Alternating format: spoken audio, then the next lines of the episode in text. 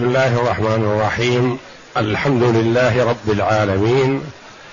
والصلاة والسلام على نبينا محمد وعلى آله وصحبه أجمعين. وبعد. أعوذ بالله من الشيطان الرجيم.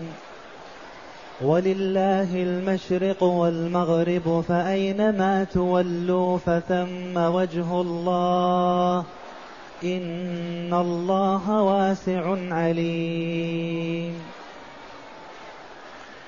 هذه الآية الكريمة من سورة البقرة جاءت بعد قوله جل وعلا ومن أظلم ممن منع مساجد الله أن يذكر فيها اسمه وسعى في خرابها.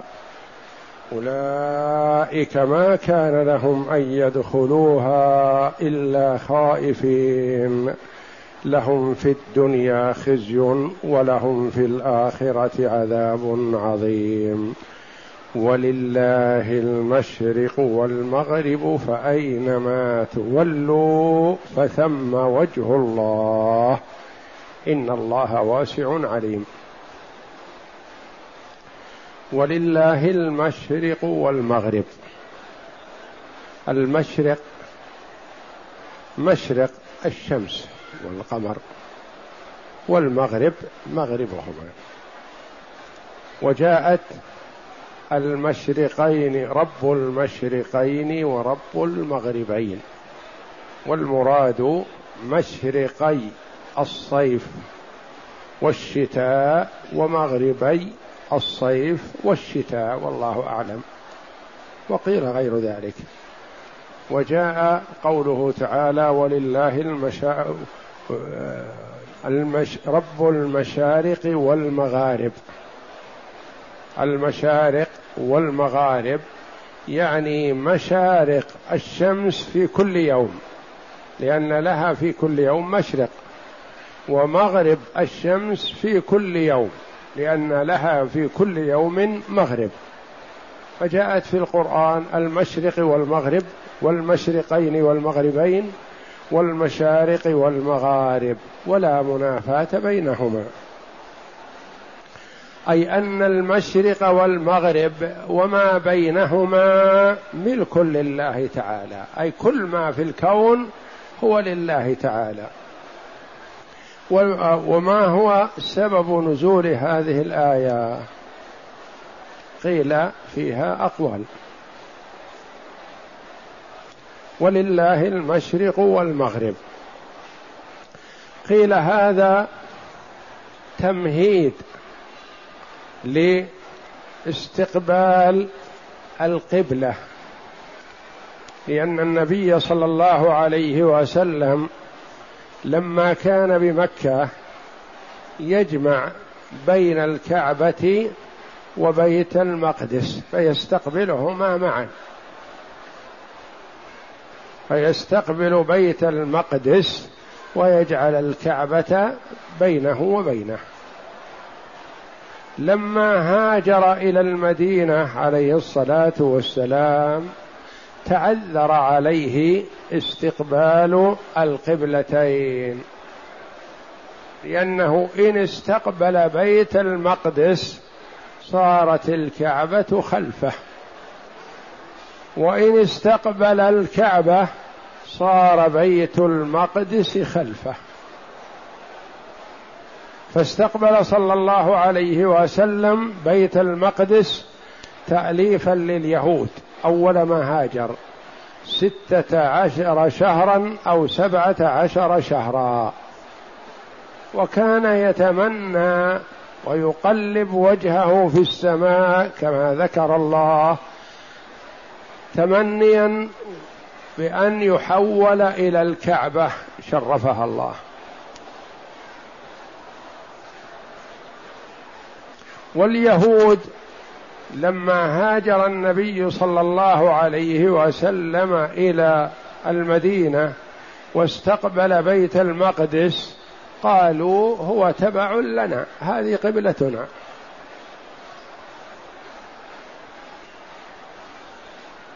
ولما استقبل الكعبة شرفها الله قالوا لا يدري هذا أين يتوجه. توجه معنا أول الأمر ثم ترك قبلتنا وتوجه إلى غيرها.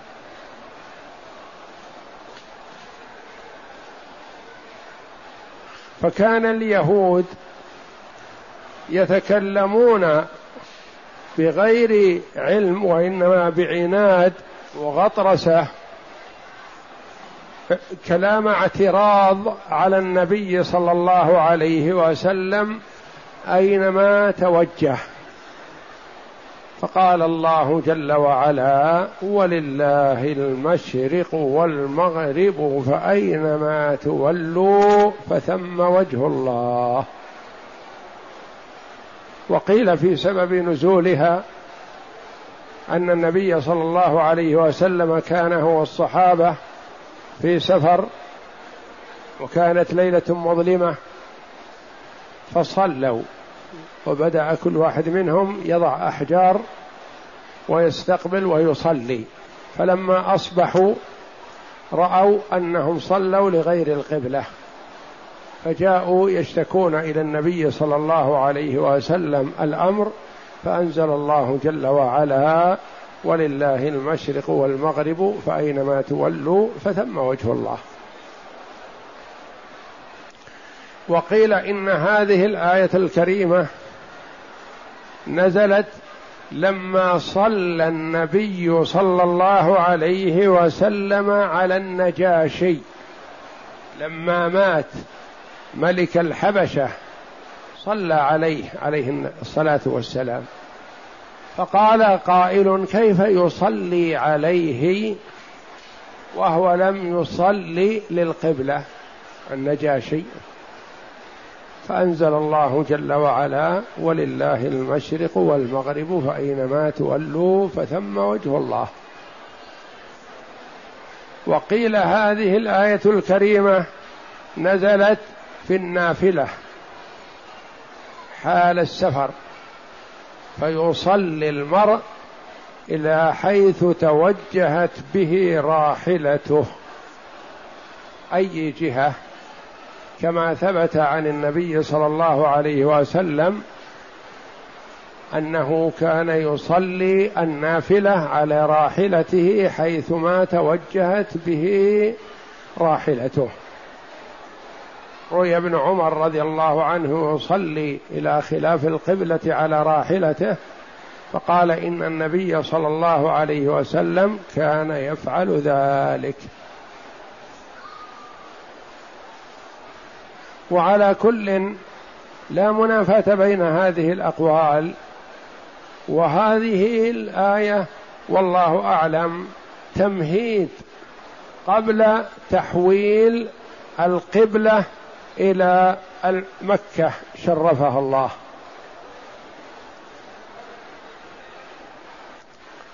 والله جل وعلا يعلم أنه سيعترض معترضون على هذا التوجه. ويقول ابن عباس أول نسخ حصل في القرآن في القبلة. أول نسخ جاء في القرآن نسخ القبلة. لأن القبلة كانت إلى بيت المقدس فنسخت إلى الكعبة. والله جل وعلا رد على اعتراضهم قبل أن يعترضوا وقبل أن يوجه رسوله صلى الله عليه وسلم إلى القبلة بقوله سيقول السفهاء من الناس ما ولاهم عن قبلتهم التي كانوا عليها. إلى الآن ما قالوا. الله جل وعلا يعلم ما العباد قائلون قبل أن يقولوا. قال سيقول السفهاء من الناس. يعني ما يقول هذا القول إلا سفيه. قل لله المشرق والمغرب. يهدي من يشاء إلى صراط مستقيم. إذا قالوا كذا فقل لهم كذا. وهم سيقولون.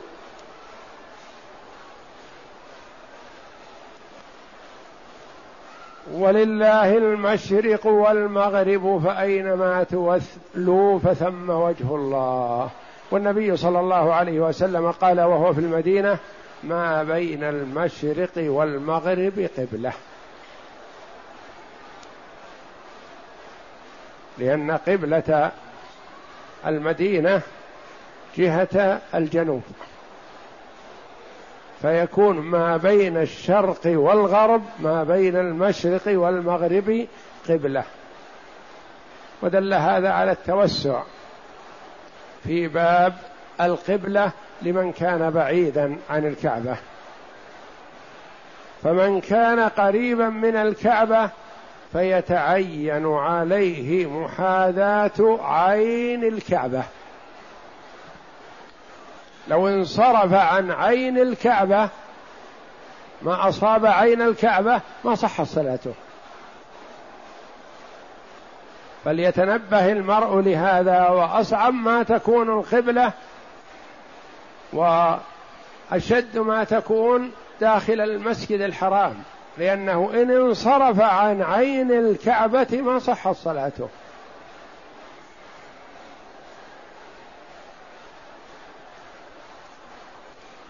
وأما من كان في مكة فقبلته المسجد.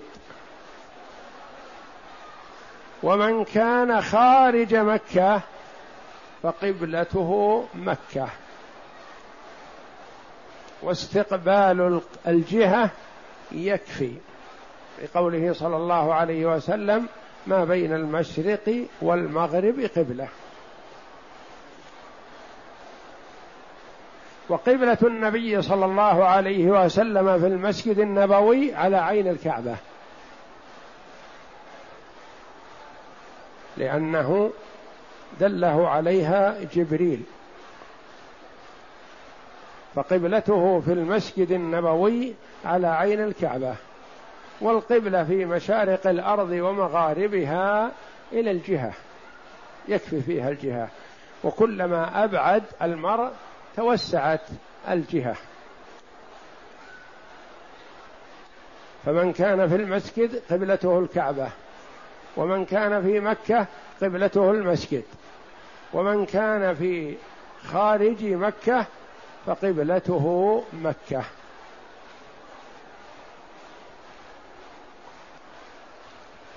ولله المشرق والمغرب فأينما تولوا فثم وجه الله. ونسخ القبلة من بيت المقدس إلى الكعبة بالقرآن العظيم. واستقبال بيت المقدس بالسنة. قال العلماء ما في القرآن نص. على استقبال بيت المقدس. فدل هذا على نسخ السنة بالقرآن. فالقبلة قبلة بيت المقدس يعني استقبال بيت المقدس بالسنة. ونسخت السنة بالقرآن وحيثما كنتم فولوا وجوهكم شطرة. الآيات. ولله المشرق والمغرب. فأينما تولوا؟ أينما تصلوا؟ قال بعض العلماء إنه في هذه الآية إن النبي صلى الله عليه وسلم جعل له سعة في استقبال أي جهة بعد انتقاله من مكة وقبل أن يوجه إلى المسجد الحرام إلى الكعبة شرفها الله جعل الله له سعة يستقبل أي جهة.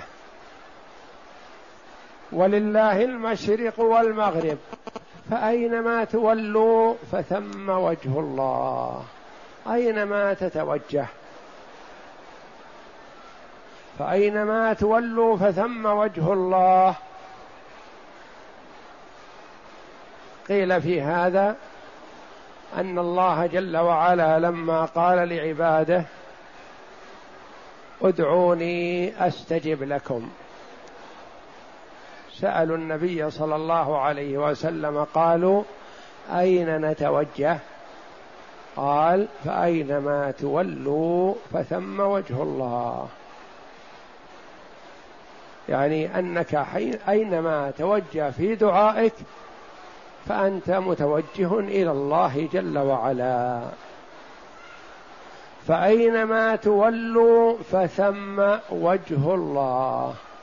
فثم الجهة التي وجهك الله إليها. وليس المراد والله أعلم كما قال جمع من المفسرين المحققين ليس المراد الوجه الذي هو صفة لله تبارك وتعالى. تبارك اسم وجه تبارك اسم ربك و ليس المراد هو إثبات صفة الوجه لله تبارك وتعالى وليس المراد الوجه الذي هو صفة من صفات ذاته وإنما المراد الوجهه الوجهه تقول توجه وجه كذا وجه الرياض وجه الشام يعني جهة الشام. كما نقل هذا عن شيخ الإسلام ابن تيمية رحمه الله تعالى. فليس المراد هنا إثبات صفة الوجه لله تعالى وإنما المراد الجهة التي يقبل الله جل وعلا بها العمل. أينما توجهت في صلاتك أينما توجهت في دعائك مخلصا لربك فثم الجهة التي أمرك الله جل وعلا أن تتوجه إليها. فأينما تولوا فثم وجه الله ثم الجهة التي يرضاها الله ويريدها ويقبل الدعاء والصلاة منكم. إن الله واسع عليم. واسع. وسع خلقه جل وعلا بالغنى. أغناهم. وعند العرب كلمة السعة تطلق على الغنى. يقال فلان ذا سعة يعني غني. إن الله واسع يعني غني جل وعلا يغني خلقه ويكفيهم بما لديه سبحانه. إن الله واسع عليم. ناسب ختم هذه الآية بهذه الصفة العظيمة صفة العلم يعني أنه ليس المراد التوجه شمال أو جنوب أو شرق أو غرب. وإنما التوجه القلبي والله جل وعلا عالم به مطلع عليه. الله واسع غني عليم بما في ضمائر عباده. إذا توجه العبد إليه مخلصا فالله يعلم ذلك. وإن كان توجه العبد إلى ربه بغير إخلاص فالله يعلم ذلك. وفيها حفز للهمم بإخلاص العمل لله تبارك وتعالى لأنه عليم بما في القلوب سبحانه.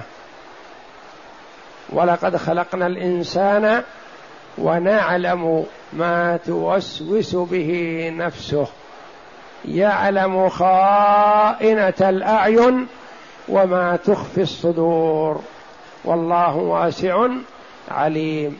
ذو غنى سبحانه وتعالى فهو الغني وعليم بمن طوت عليه ضمائر العباد. يقول تعالى ولله المشرق والمغرب فأينما تولوا فثم وجه الله.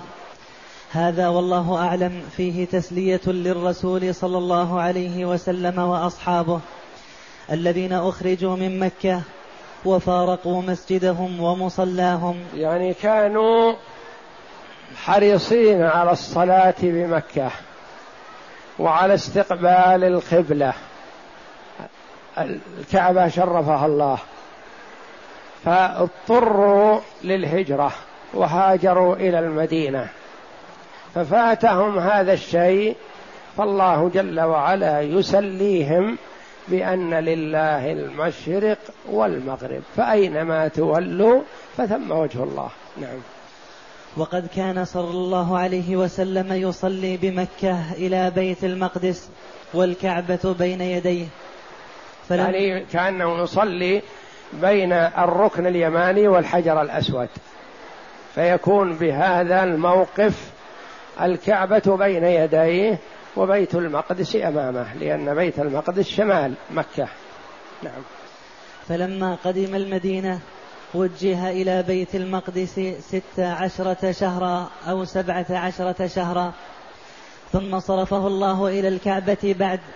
ولهذا يقول تعالى ولله المشرق والمغرب فأينما تولوا فثم وجه الله قال علي بن أبي طلحة عن ابن عباس قال كان أول ما نسخ من القرآن القبلة وذلك أن رسول الله صلى الله عليه وسلم لما هاجر إلى المدينة وكان أهلها اليهود أمره الله أن يستقبل بيت المقدس ففرحت اليهود فاستقبلها رسول الله صلى الله عليه وسلم بضعة عشر شهرا.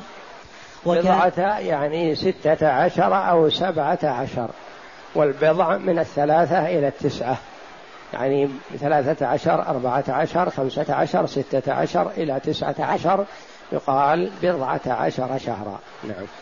وكان رسول الله صلى الله عليه وسلم يحب قبلة إبراهيم وكان يدعو وينظر إلى السماء. الكعبة شرفها الله قبلة إبراهيم وإسماعيل عليهما.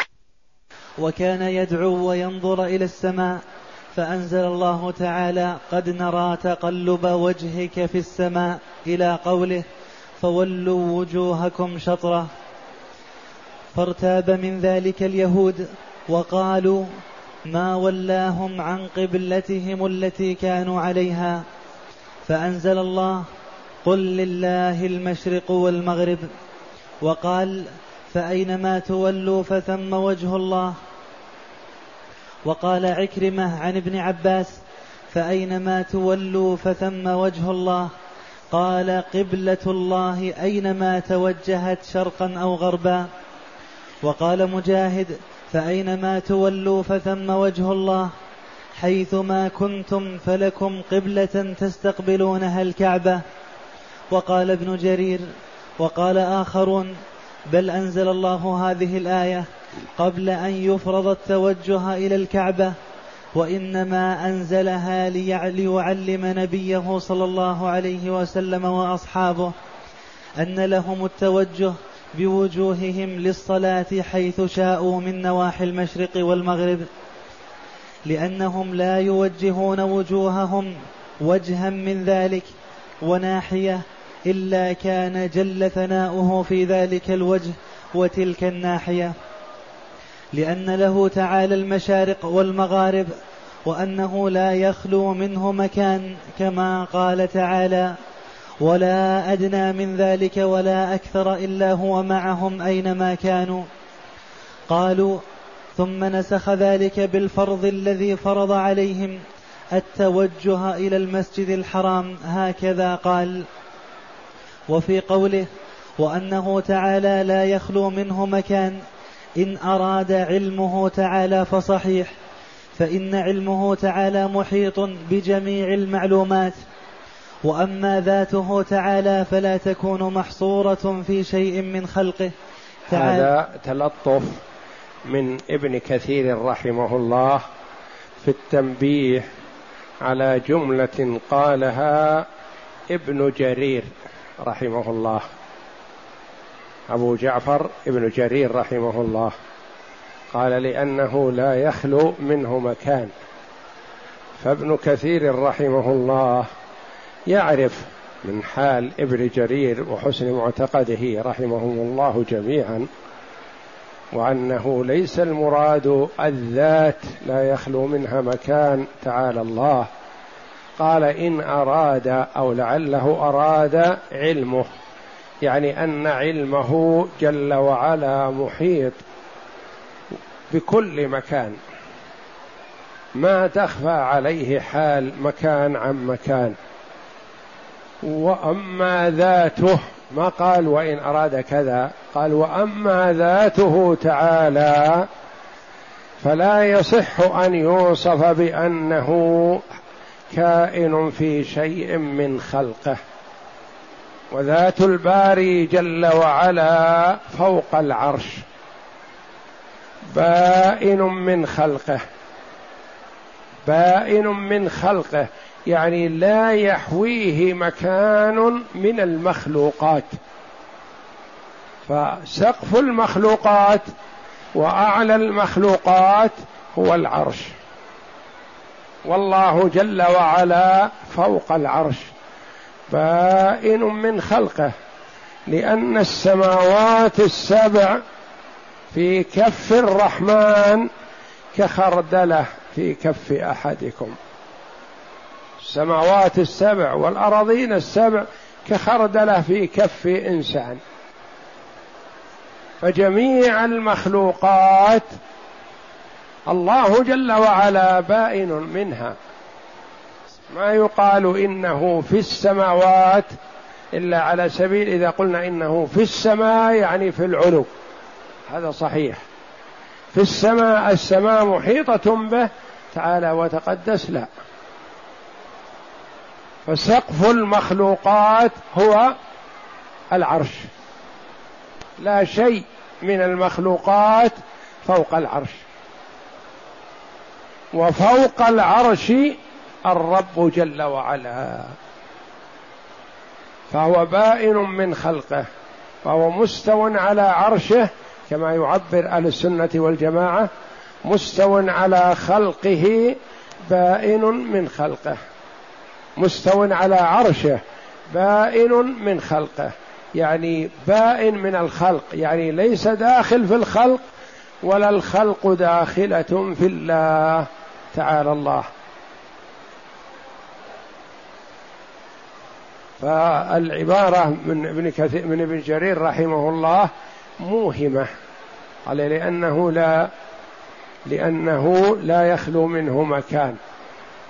ولم يقل العلم ولم يقل الذات فإذا أراد العلم فهو صحيح وإن أراد الذات فليس بصحيح ولا يحمل أنه قاله ابن جرير رحمه الله وإنما لعله أراد أن يقول علمه فلم يقل ذلك. نعم. وقال آخرون بل نزلت هذه الآية على رسول الله صلى الله عليه وسلم إذنا من الله تعالى أن يصلي المتطوع حيث توجه من شرق أو غرب في وهذا ثابت في الصحيحين. الصلاة صلاة النافلة حينما. حيثما توجهت الراحلة بأي جهة يستقبلها المصلي يصلي. خرجت من مكة تريد الطائف. تكبر ووجهك إلى الطائف.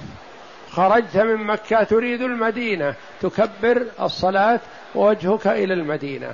صلاة النافلة خاصة. كان يصليها النبي صلى الله عليه وسلم على الراحلة حيثما توجهت. وأما الفريضة فكان عليه الصلاة والسلام ينزل ما كان يصليها على الراحلة ولا نقل أنه صلاها على الراحلة إلا مرة واحدة. كان في حال سيل مطر ودحض وما استطاعوا النزول فتقدم النبي صلى الله عليه وسلم براحلته وصفوا خلفه برواحلهم وصلوا الفريضة على الرواحل مرة واحدة. لأنهم ما استطاعوا النزول على الأرض. وأما النافلة فقد ثبت في الصحيحين أن النبي صلى الله عليه وسلم كان يصليها على الراحلة حيثما توجهت به راحلته. ويستحب للمرء أن يفعل هذا اخذا بالسنة لأن هذا ثابت في السنة. فإذا توجه إلى أي جهة وإن كانت الكعبة خلفه يكبر ويصلي. وإذا كان متوجه إلى جهة الكعبة في سيره فيكبر ويصلي. يعني ما يبالي أي جهة اتجه إليها في سيره فيكبر ويصلي. فإذا صلى مثلا الفريضة في الأرض ورغب أن يصلي النوافل على الراحلة على السيارة على الطائرة على أي وسيلة نقل هو راكب عليها على حمار روي أنس بن مالك رضي الله عنه يصلي على حمار متوجه إلى غير القبلة النافلة. فقيل له في ذلك فقال رأيت النبي صلى الله عليه وسلم فعل ذلك. فيستحب للمرء أن يأخذ بهذه السنة إذا توجه ولو كانت الكعبة خلفه في سفر فيصلي بعض النوافل والوتر والنوافل المطلقة وصلاة الضحى ونحو ذلك يصليها على الراء على وسيلة نقلها أيا كانت سيارة أو طائرة أو باخرة أو حمار أو بعير أو فرس كله يصليها على الجهة التي هو متوجه إليها. نعم. وقال آخرون بل نزلت هذه الآية على رسول الله صلى الله عليه وسلم إذنا من الله أن يصلي المتطوع. حيث توجه من شرق أو غرب في سفره لما روي عن ابن عمر أنه كان يصلي حيث توجهت به راحلته. ويذكر أن رسول الله صلى الله عليه وسلم كان يفعل ذلك. وكذلك ثبت في الصحيحين عن جابر وغيره رضي الله عنهم أن النبي صلى الله عليه وسلم صلي حيثما توجهت به راحلته النافلة خاصة. نعم. ويذكر أن رسول الله صلى الله عليه وسلم يفعل ذلك ويتأول هذه الآية فأينما تولوا فثم وجه الله. وقال آخرون بل نزلت هذه الآية في قوم عميت عليهم القبلة فلم يعرفوا شطرها فصلوا على لم يعرفوا شطرها يعني جهتها لم يعرفوا جهة القبلة. في الليل ظلمة ولا نجوم ولا علامات فصلوا اجتهدوا وصلوا. ثم تبين لهم فيما بعد أنهم صلوا لغير القبلة. وهنا يفرق بين الحضر والسفر. فإذا اجتهد المرء في السفر في صلاة الفريضة وصلى. ما عرف القبلة اجتهد وصلى. ثم تبين له فيما بعد أنه صلى لغير القبلة فصلاته صحيحة لأنه اتقى الله ما استطاع. والحذر يختلف. رجل دخل بيتا لا يعرفه أو في فندق أو في استراحة أو في مكان ما مثلا ما عرف القبلة لكن اجتهد. توقع أن القبلة هكذا فصلى. ثم تبين له أنه صلى لغير القبلة فصلاته غير صحيحة. ويجب عليه أن يعيدها. لما؟ نقول هناك فرق بين الحضر والسفر. المسافر اجتهد فصلى. اتقى الله ما استطاع. والله جل وعلا يقول فاتقوا الله ما استطعتم ويقول جل وعلا لا يكلف الله نفسا إلا وسعها. لكن الذي في البلد ما اتقى الله ما استطاع تساهل. توقع القبلة هكذا وصلى ثم جاءه غلام صغير أو كبير أو أي شخص قال لا يا أخي القبلة هذه غلط. نقول هذا ما اتقى الله ما استطاع لو اتقى الله ما استطاع لسأل. ينزل ويسأل يخرج عند الباب ويسأل وين القبلة. كل واحد يدل على القبلة في بلاد المسلمين. وفي غير بلاد المسلمين ممكن يسأل عن الشرق والغرب يعرف أنه إذا كان في المشرق فالقبلة غرب وإذا كان في المغرب فالقبلة شرق وهكذا. فمن صلى لغير القبلة في الحضر لزمه الإعادة. ومن صلى لغير القبلة في السفر فصلاته صحيحة ولا إعادة عليه. فلم يعرفوا شطرها فصلوا على أنحاء مختلفة. فقال الله تعالى لي المشارق والمغارب فأين, ولي فأين وليتم وجوهكم؟ فهناك وجهي. وهو قبلتكم فيعل فيعلمكم بذلك أن صلاتكم ماضية. لما روي عن عامر بن ربيعة عن أبيه قال كنا مع رسول الله صلى الله عليه وسلم في ليلة سوداء مظلمة فنزلنا منزلا فجعل الرجل يأخذ الأحجار فيعمل مسجدا يصلي فيه فلما أن أصبحنا إذا نحن قد صلينا إلى غير القبلة فقلنا يا رسول الله لقد صلينا ليلتنا هذه لغير القبلة فأنزل الله تعالى ولله المشرق والمغرب فأينما تولوا فثم وجه الله. وعن ابن عباس أن رسول الله صلى الله عليه وسلم بعث سرية فأخذتهم ضبابة فلم يهتدوا إلى القبلة فصلوا لغير القبلة. ثم استبان لهم بعدما طلعت الشمس أنهم صلوا لغير القبلة. فلما جاءوا إلى رسول الله صلى الله عليه وسلم حدثوه فأنزل الله تعالى هذه الآية ولله المشرق والمغرب فأينما تولوا فثم وجه الله.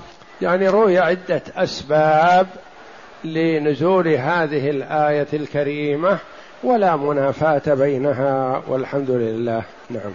قال ابن جرير ويحتمل فأينما تولوا وجوهكم في دعائكم لي فهناك وجهي أستجيب لكم دعاءكم؟ يعني يحتمل أن المراد بها التوجه في الدعاء. نعم. قال مجاهد لما نزلت ادعوني أستجب لكم. قالوا إلى أين؟ فنزلت فأينما تولوا فثم وجه الله. ومعنى قوله إن الله واسع عليم. يسع خلقه كلهم بالكفاية والجود والأفضال. وأما قوله عليم فإنه يعني عليم بأعمالهم. ما يغيب عنهم منها شيء ولا يعزب عن علمه بل هو بل هو بجميعها عليم. والله أعلم وصلى الله وسلم وبارك على عبده ورسول نبينا محمد وعلى آله وصحبه أجمعين.